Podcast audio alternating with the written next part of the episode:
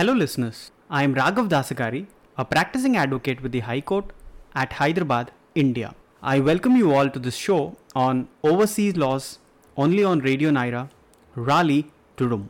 Broadcast on three frequencies 99.9 FM HD4, 101.9 FM, and 1490 AM. You may not disagree with me if I if I were to say that the recent humanitarian crisis in India due to the COVID 19 pandemic has brought some degree of change in most of on how we think and perceive our individual role in doing whatever best possible contribution to decrease the suffering and try to reduce further loss of precious human life. Friends, I'm here today to speak to you on some of the outstanding contributions made by the Indian American diaspora to various causes in India. And also, if you intend to get into this line, I would be more than happy to show you the way forward. So much is being said all over about India and the crisis that it is presently reeling under. Well, let's first have a reality check. When developed and economically rich countries like United States of America, United Kingdom, Italy, France, Germany, and other superpowers in the world, which have far lesser population compared to India. These countries with comparatively better health infrastructure than India. When such countries got onto their knees by this evil pandemic due to the sudden explosion of infections that has led to overwhelming the health infrastructure of every country I just referred to. Even before the present crisis hit India, we have all seen the situation in all the developed countries whose images, footages have been played across the national and international media all across the world about the overflowing hospital admissions or situation where hospitalization was way beyond what the system could actually handle in these rich countries too. So, then what what really remains to be said about the plight of India with such vast population, limited resources, unique problems of the country, etc. Honestly, this is not the time to play the blame game, to hold someone responsible or lament over why the situation has arisen at the first instance. Well, all these acts can be reserved for a later point in time, but for now, it is only the time to realize and act fast, to extend a helping hand to reduce human suffering and loss of further life to the greatest degree possible. So, today I am speaking with you on two important things. I would like to tell you the growth and significant effect of the Indian American philanthropy work, which, as a silent catalyst, is propelling great positive improvement on a wide spectrum of issues in India. And secondly, I am happy to help you to decide on what actions you may take up depending on your priority. That is,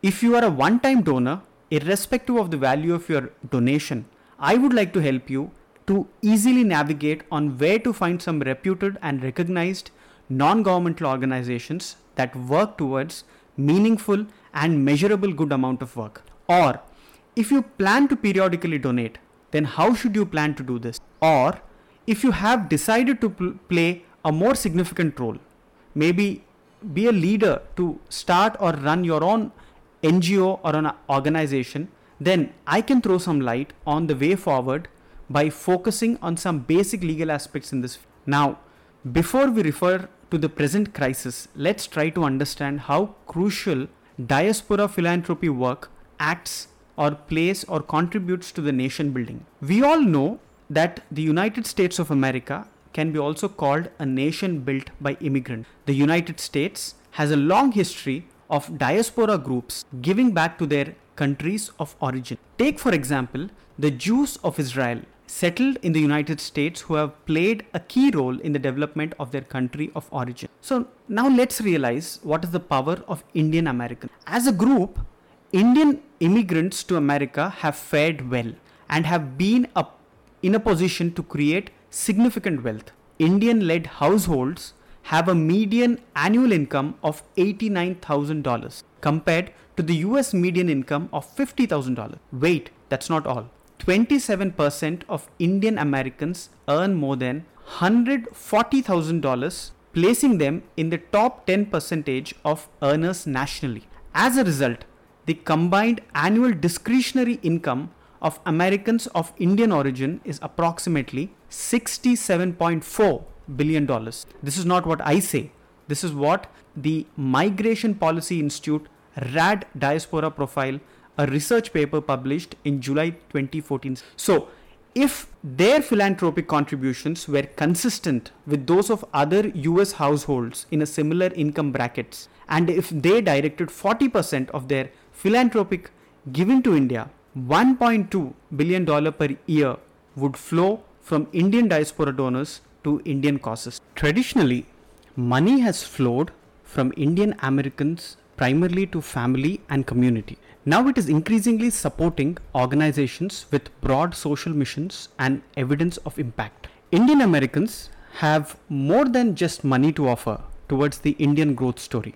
Indian Americans also have significant non financial assets to offer. They are highly educated and well represented in science, technology, engineering, and other professions. They have been active and successful in technology and entrepreneurship, and they increasingly occupy roles of political and social influence that track their economic ascendance. We may try to compare the Indian American and the Jewish American diaspora's work on this front. I am quoting and taking cue from a research study published in the Stanford Social Innovation Review. The giving experience of the Indian American and the Jewish American diasporas merit comparison. The rationale is clear. Both are relatively small communities that have enjoyed outsized economy and social achievement in the United States. Indeed, the Jewish American diaspora, which has a longer track record than its Indian counterpart, can be considered as an exemplar because of the sustained role it had in the economic and social development of its country, that is Israel. But there are also dissimilarities, in fact, starking, that make it difficult to translate lessons easily from one diasporan experience to the other. The population of Israel, for example, is much smaller than that of India. And so, it is likely easier for the Jewish American diaspora to exercise greater overall influence in its homeland than it is for the Indian American diaspora to influence India. In addition, the existential threat to the state of Israel has nothing comparable to the Indian experience. Nonetheless, the authors of this research paper say that at least two aspects of the Jewish American experience that provide food for collective thought among Indian Americans motivated to give to India. Firstly, Jewish American donors have long benefited from the trustworthy channels by which to support Israeli development. Since World War II, Jewish American donors have been able to channelize or channel their funding reliably through several centralized mechanisms, most notably the Jewish Federations of North America. What's more, over the past few decades, the number of American Friends of Israel organizations linked to Israeli NGOs and private foundations has exploded. Second, Jewish organizations have actively cultivated a strong connection among newer generations of Jewish Americans and Israel.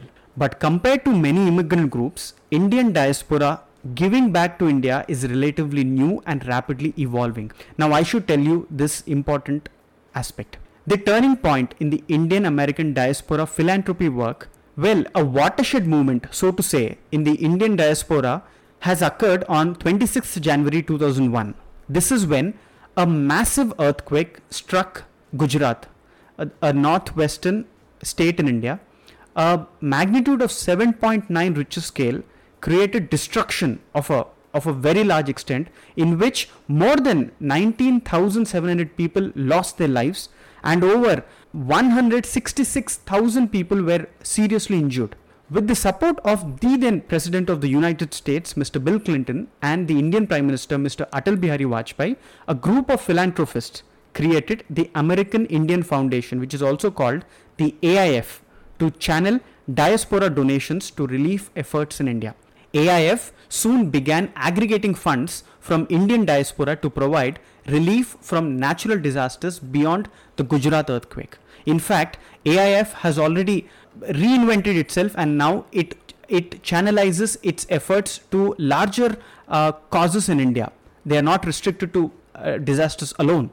It is also important to say that an AIF is also working towards the COVID 19 relief operations in India presently. AIF claims that until June 2015, they had raised and distributed about $100 million to 248 Indian non governmental organizations. Now, similarly, the American Asian American Hotel Owners Association, the American Association of Physicians from India, and the Indus Entrepreneurs are among other groups that have led fundraising campaigns to provide relief for various causes that take you to India.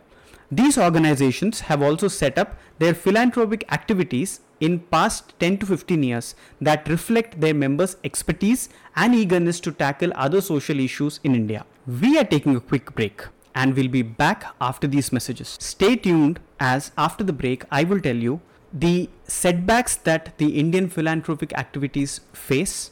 I will also tell you how can you start your own NGO in India and other FAQs that you may be having in your mind.